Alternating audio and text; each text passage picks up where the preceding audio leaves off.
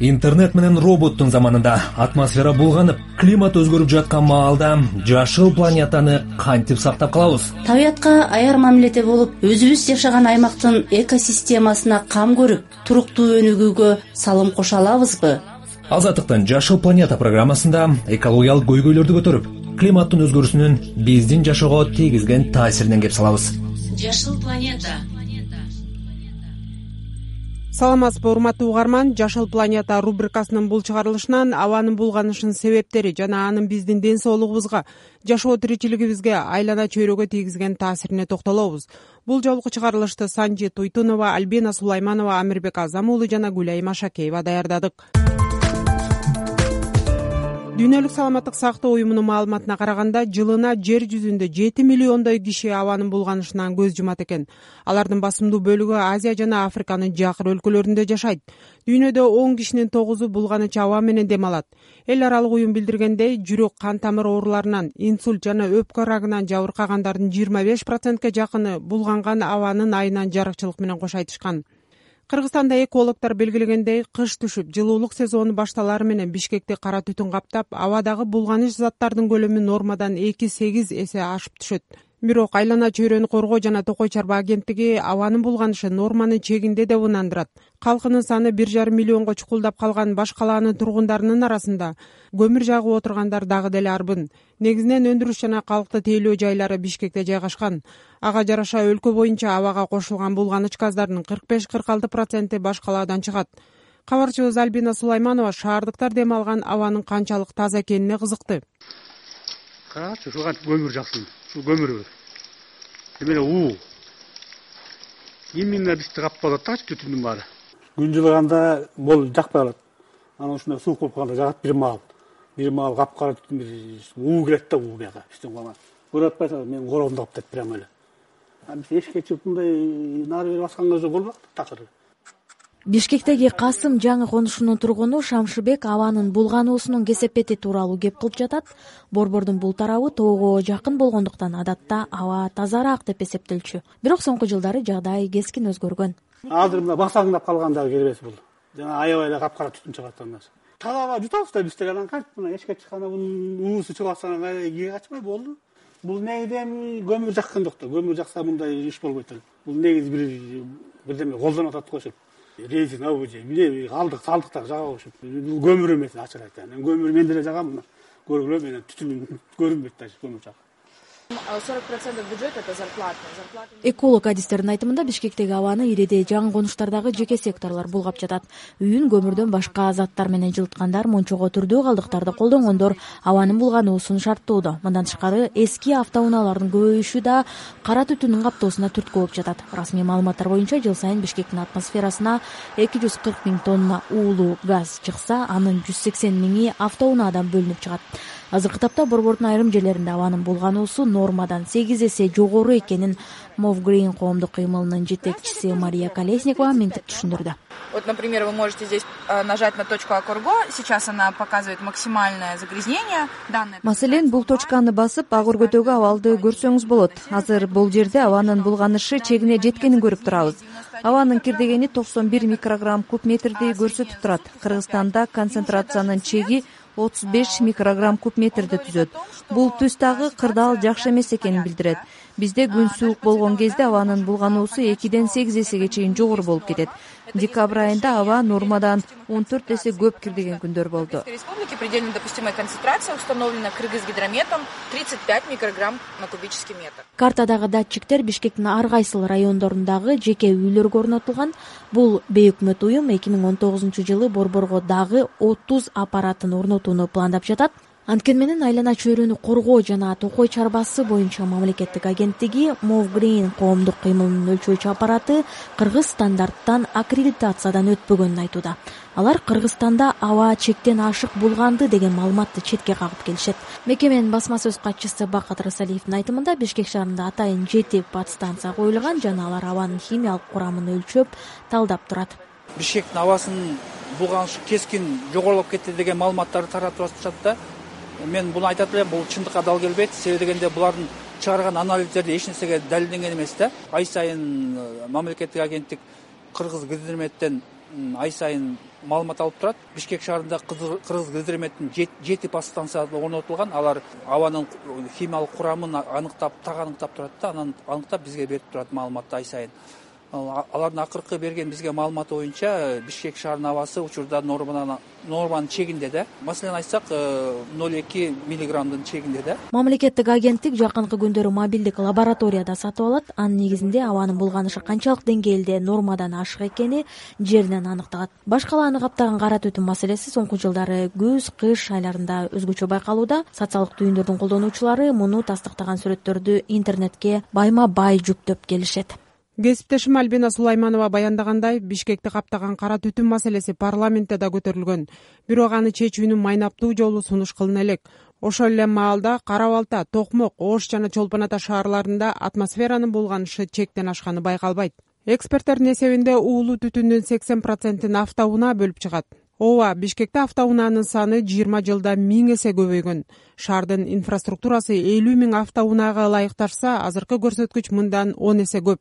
Соңку он эки жылда эле өлкөгө жети жүз элүү миң автоунаа кирген. Алардын көбү эски. Тагыраак айтканда өлкөдө катталган бир миллион эки жүз миң автотранспорттун жети жүз элүү миңи заводдон мындан он беш жыл мурда чыккан. Беш он жыл болгон жаңырактардын саны элүү миңди түзөт калган төрт жүз миң автоунаанын жолдо жүргөнүнө бери дегенде жыйырма жыл болгон. Баш калааны курчай түшкөн жаңы конуштардын тургундары үйдү негизинен от жагып жылытат. Бирок адистердин айтымында менчик турак жайдагы мештердин сапаты талапка жооп бербейт. Анын айынан сырттагы да үйдүн ичиндеги да аба булганып жатканын буга чейинки иликтөөлөр көрсөткөн. Эки миң он сегизинчи жылы дүйнөлүк банктын колдоосу менен өлкө боюнча жакыр жашаган үй бүлөлөргө он төрт миң меш берилмей болгон бирок каржылоо жөнүндө макулдашуу парламенттен өтпөй калган. Бишкектин сыртындагы алтын казык жаңы конушунда жашаган үй бүлөгө кесиптешим санжы туйтунова барып келди нургүл сыдыкова жолдошу менен кара кулжадан келген. Эки балалуу бул үй бүлөнүн багына быйылкы кыш катуу болгон жок. Көмүрдү да ошого жараша аз жаккан. Ал жолдошум ушу немеде эле охранада иштейт свалкада өзү жана баклажкалардын заводу болуп иштейт. Завод көмүрдөн башка дагы мындай кездеме баклажка жагасыздарбы же жакпайсыздарбы андай нерселерди жакпайбыз жок. Андай нерселер жагылбайт. Андай нерсени жаксак тез эле моор толуп калат да ал үчүнчү болуп калган үчүн андай жакпайбыз. Бул үйүңүздө от жагып атсаңыздар деле салкын экен э? Жайдын жок өтө катуу ысыбайт жайдын күнү салкын. Бул стяжка болгон үчүн салкын болот да. Кышындасы зябь болот. Анан жазындасы күн ысык маалда салкын болот да эми пока үйдү жайлуу болгончо ушундай жашап турабыз да пока айтып атабыз. Нургүл азыр түтөгөн меш ден соолугуна канча зыян келтиргенин деле билбейт. Бирок көмүрдүн жытынан кез кезде баш айланаарын айтып отурду. Баш ооруган болот көмүрдүн газын жыт чыгып кеткен учурлар болот. Анан бирок эле жок баары неме кылабыз да банчага кайрылабыз. Банчада дагы карагандар карайт карабагандар карабайт. А кечинде канча чака көмүр салып жатасыздар кечкурун эки чака көмүр салып коем ошол бойдон саат он экиге чейин турат эртең мененкиге чейин. Бишкек шаарындагы таштанды полигонуна жакын жайгашкан алтын казык конушу. Бул жерге жаратылыш газы жете элек электрдин кубаты үй жылытканга жетпейт. Мындан улам жашоочулар жаз чыкканга чейин көмүр жагууга аргасыз. Эки миң он сегизинчи жылы ноябрь айында кыргыз өкмөтү жакыр жашагандар үчүн он төрт миң меш алып бермей болгон. Бул долбоорго катышкан улуттук кардиология борборунун пульмонология бөлүмүнүн дарыгери берик эмилов мештин өзгөчөлүгүн мындайча түшүндүрдү. Эң негизги булардын э, мындай плюсу бул түтүн чыгарбаш. Түтүндү сыртка чыгарбайт үйдүн ичинде түтүн толбойт. Ошого жараша баягы.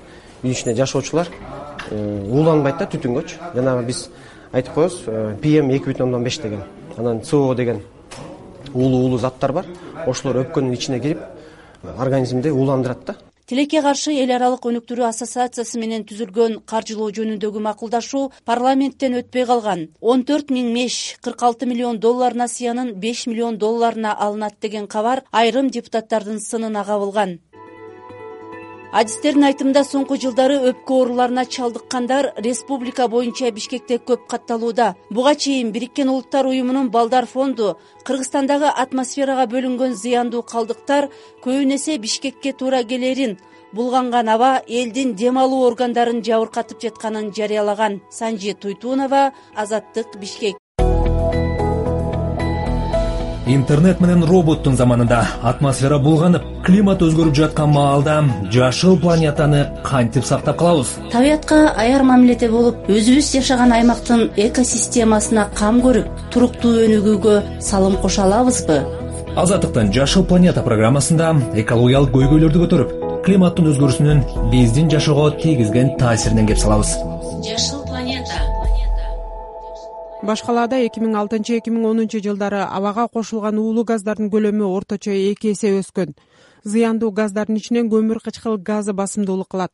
Абага оңой кошулган органикалык заттар азоттун кычкылы жана күкүрттүн кош кычкылы. Мындай уулуу заттар жүрөк кан тамыр оорулары инсульт жана өпкө рагы сыяктуу илдеттерди пайда кылат бишкектеги кардиология жана терапия улуттук борборунун дарыгери профессор талант сооронбаев башында турган илимпоздор тобу өлкө боюнча иликтөө жүргүзүшкөн дарыгер кесиптешим санжы туйтунованын суроолоруна берген жообун баш калаадагы абанын сапатына токтолуу менен баштады.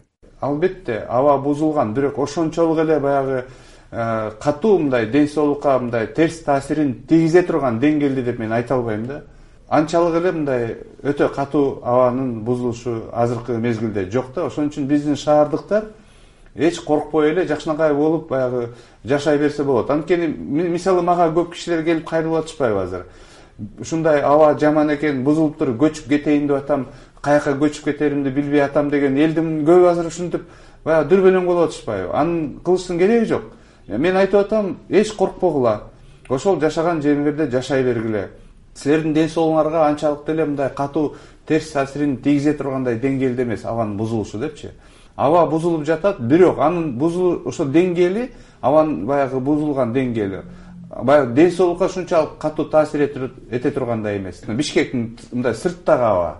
Анткени көппү азбы шамал шамалданып турат тазаланып турат баягы жаратылыштын өзүнүн эмеси мененчи бирок мен э, көңүл бурдурайын дегеним э, эмнеге аба бузулуп атат? Мына акыркы э, баягы күндөрдө айтып атат банялар бишкектеги абанын баардыгын түтүн каптатып анан буза тургандай баня анчалык бизде баня жок абаны бишкекте бузуп аткан бул биринчи бул машиналар. Көчөлөрдү карасаңар машиналар токтоп турат моторлору иштейт ошолордун чыгарган түтүндөрү мына ошолор абдан абаны булгагандар. Экинчи чоң себеп мына биздин изилдөө боюнча биздин маалымат боюнча биздин айылдарда көпчүлүгү эски темир мештерди жагышат ошол мештердин ичинде шаардын тегереги деле ошондой ошол мештердин ичинде мисалы отун толук күйбөйт. Анан толук күйбөй туруп ыш болуп чыгат абагачы. Ошол ыштын ичинде жанагы ден соолукка зыян келтире турган заттар бар. Ошол жанагы майда майда баягы көзгө көрүнбөгөн частицалар ошолор абага чыгып анан ошолор терс таасирин тийгизет да чала күйгөн оттун түтүнү үйдүн ичинде каптайт. Үйдүн ичи дагы ыш болот да. Ошол үйдүн ичиндеги аба бузулган менен түзмө түз байланыш жанагындай өнөкөт оор өпкө оорулардын пайда болушу аялдардын арасында өзгөчө. Бизде айылдарда аялдар тамеки чекпесе да өнөкөт өпкө ооруларынын саны абдан көп аялдардын ичинде. Үйдүн ичин түтүн каптаганда айрыкча балдар ооруйт.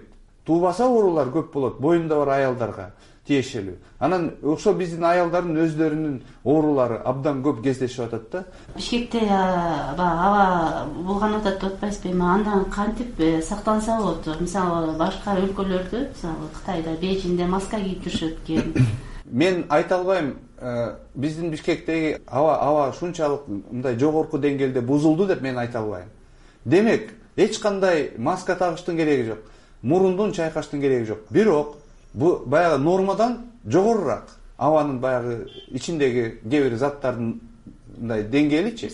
Мен эмнеге көңүл бургум келип атат? Бишкектин абасын текшерип анан ошону мындай жарыя кылган маалыматты мен көргөн эмесмин. Бирок мына биз ошону менен иштеп жүрүп дагы мен айтам мына бизде андай бишкектин абасы боюнча бизде маалымат жок так маалымат.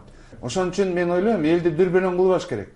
Бирок ушул бишкектин абасын тазараак кылсак болот деген чечимди издеш керек ошол чечимди жасаш керек. Э, аба булганган жерде адамдар э, депрессияга көбүрөөк батат депчи өзүн бактысыз сезет деп э, сизге келген бейтаптардын арасында өпкөдөн тышкары мындай эмоционалдык абалы дагы начар бейтаптар барбы?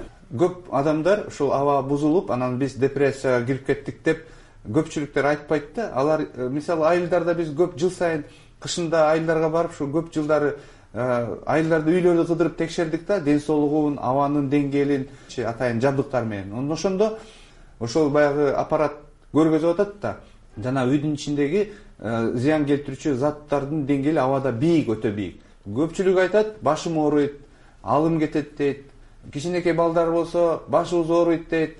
Мындай сабакка көңүлү жок жакшы окуй албайт. Мына кышкы мезгилде. Айылдарда алты айга чейин от жакышат да алардын үйүндө жанагы уулуу заттардын деңгээли аппараты жок деле бийик экени сезилип турат. Киргенде эле баягы ыштын жыты дубалдары ак эмес саргайып карайып мындай анан отту мешиттерин карасаңыздар эски мештер араң эле баягы темирлери деле араң эле чыдап турган мештер. Түтүн болсо тиги ар тешиктерден үйдүн ичине түтүн каптап атат оту көрүнүп турат жакшы күйбөйт. Ошол күл чыгарганда эле ошол чала күйгөн жанагы көмүр чала күйгөн жанагы көңдөр үйдүн ичинин абасынын бузулушу бул могу сырттагы абанын бузулганына караганда бизде кыргызстанда көп эсе чоңураак көйгөй да үйдүн ичиндеги аба таза кармап ден соолукту сактап калыш. Деди кардиология жана терапия улуттук борборунун дарыгери профессор талант сооронбаев азаттык менен болгон маегинде. Дүйнөдө абаны эң булгаган зат көмүр кара алтын атыккан бул табигый ресурс. Эки жүз элүү жыл мурун эле дүйнөдө индустриалдык революцияларды ишке ашырууда эбегейсиз роль ойногон. Бирок анын адамдын саламаттыгына жана айлана чөйрөгө залакасы чоң экени эзелтеден белгилүү. Көмүр жаккан жылуулук станциялары болжол менен кырк алтымыш жыл иштейт. Бирок андан чыккан уулуу газдар атмосферада жүздөгөн жыл бою кала берет жашыл планетаны коргоочу активисттер глобалдык көйгөйгө айланган климаттын өзгөрүүсүн токтотуу үчүн көмүрдөн толук баш тартууга үндөшөт. Дүйнөдө анын ичинде кыргызстанда көмүр өндүрүшүнүн динамикасы кандай? Дүйнө жүзүндө көмүр өндүрүшү атмосферага чыккан зыяндуу заттардын бирден бир булагы. Адистердин эсебинде көмүр кычкыл газынын деңгээли соңку сегиз жүз жылга салыштырганда эң жогорку чегине жетти бир миң тогуз жүз элүүнчү жылдан берки глобалдык жылуулукка негизинен атмосферага бөлүнүп жаткан дал ушул көмүр кычкыл газы себепкер. Энергия боюнча эл аралык агенттик маалыматына караганда дүйнөдө ушул тапта электр кубатынын кырк проценти көмүрдүн эсебинен өндүрүлөт. Көмүр жакканда түтүн менен кошо абага күкүрттүн кош кычкылы азоттун кычкылы сымак мышак сыяктуу зыяндуу заттар чыгат. Ал эми шахталарда миллиондогон тонна уулуу калдыктар сакталат эгер дүйнөлүк көмүр рыногу дагы деле кеңейе берсе алдыңкы жылдары бир миңден ашуун жаңы станция курулат.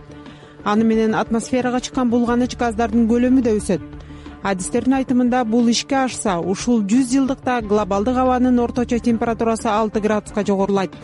Дүйнөлүк коомчулук бул көрсөткүчтү эки градустан өткөрбөй кармап турууга милдеттенме алган. Көмүр жаккан электр жана жылуулук станцияларынан жылына миллиондогон тонна зыяндуу заттар чыгат глобалдык деңгээлде атмосферага кошулган көмүр кычкыл газынын кырк проценти жылуулук электр станцияларынан бөлүнөт.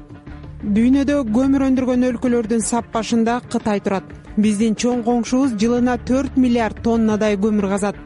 Тизмеде андан кийин индия америка кошмо штаттары австралия индонезия орусия германия польша анан биздин эң жакын коңшубуз казакстан турат. Казактар соңку кезде көмүр казууну азайтканы менен жылына жүз миллион тоннадай көмүр алат америка кошмо штаттарында жана европа биримдигинин өнүккөн өлкөлөрүндө көмүр шахталары жылдан жылга кыскарып баратат. Адистердин эсебинде эки миң элүүнчү жылы кошмо штаттарда көмүр өндүрүү жыйырма процентке азайышы мүмкүн. Буга экономикалык жана экологиялык себептер түрткү болууда. Соңку жыйырма жылда кытай индия индонезия көмүр казууну көбөйттү. Орусиянын көрсөткүчү жыйырма беш процентке өстү кытайда электр энергиясынын жетимиш проценти көмүр жаккан жылуулук электр станцияларынан өндүрүлөт. Былтыр европанын өнүккөн өлкөлөрүнө канада коста рика мексика жаңы зеландия кошулуп жыйырма мамлекет көмүрдөн баш тартып энергиянын таза булактарын алууну максат кылган альянска бириккен. Бирок бул топко дүйнөдөгү көмүр гиганттары кытай индия кошмо штаттар сыяктуу өлкөлөр кошулган эмес атмосфераны булгаган газдардын он проценти евро биримдик өлкөлөрүнө тиешелүү болсо кырк кырк беш проценти дүйнөнүн биринчи жана экинчи экономикасы саналган америка кошмо штаттары менен кытайдын үлүшүнө туура келет. Жогоруда сиз уккандай булганган аба кытайдын чоң шаарлары муунтуп орчундуу көйгөйгө айланды. Ал эми окумуштуулар жакында эле бир кызыктуу тыянакка келишти көрсө бактылуулук абанын сапатына көз каранды экен. Илимпоздордун табылгасына кесиптешим амирбек азам уулу кайрылат. Булган чаба гонконг университетинин соңку изилдөөсү көрсөткөндөй шаар калкы арасында өзүн бактысыз сезгендердин көбөйүүсүнө да салым кошуусу ыктымал. Буга чейинки изилдөөлөр булган чаба ден соолукка кишинин түшүнүү жөндөмүнө эмгек өндүрүмдүүлүгүнө жана билим алуусуна зыян тийгизээрин көрсөткөн андан тышкары адамдын социалдык турмушуна жана жүрүм турумуна олуттуу таасир эткен. Окумуштуулар ошондуктан кытайдын аба өтө көп булганган бир жүз кырк төрт шаарындагы күнүмдүк жашоого булган чабанын кандай таасир эткенин кеңири аспекттен изилдеп көрүшкөн. Ал үчүн социалдык желелердеги реалдуу убактагы маалыматты пайдаланышкан атап айтканда эки миң он төртүнчү жылдын март ноябрь айларында микроблогтордун сина вейбо платформасы аркылуу жөнөтүлгөн эки жүз он миллион твитти анализдеп чыгышкан. Мурда бактылуулуктун деңгээли сурамжылоо жолу менен аныкталган эле. Изилдөө ашыкча булганган аба эркектерге караганда аялдар менен кирешеси чоң жарандарды көп тынчсыздандырганын булгануунун деңгээли абасы таза жана эң булган шаарлардын калкына олуттуу таасир эткенин айкын кылган. Анын себеби абанын сапаты жана ден соолугу жөнүндө көп тынчсызданган адамдар таза шаарларга көчүшөт эл аралык эсептөөлөр боюнча бир адамдын таза аба менен камсыз болушу үчүн беш бак же отуз чарчы метр жашыл аймактын болушу зарыл. Бишкек мэриясынын жашылдандыруу чарбасынын маалыматы боюнча борбор шаарда эки жүз отуз беш миң бак дарак бар. Жалпак тил менен айтканда беш адамга араң бир бак туура келет. Экологдор шаардын жашыл аймагы эки миң бешинчи жылдан бери жүз гектарга азайганын соңку үч жылда он миңден ашуун бак дарак ыйылганын айтып тургундар менен жашыл шаарды коргоп көчөгө чыгып жүрүшөт урматтуу угарман жашыл планета рубрикасын уктуңуз. Анын бул чыгарылышын санжи туйтунова альбина сулайманова амирбек азам уулу жана мен гүлайым ашакеева даярдап обого алып чыктык. Аман туруңуз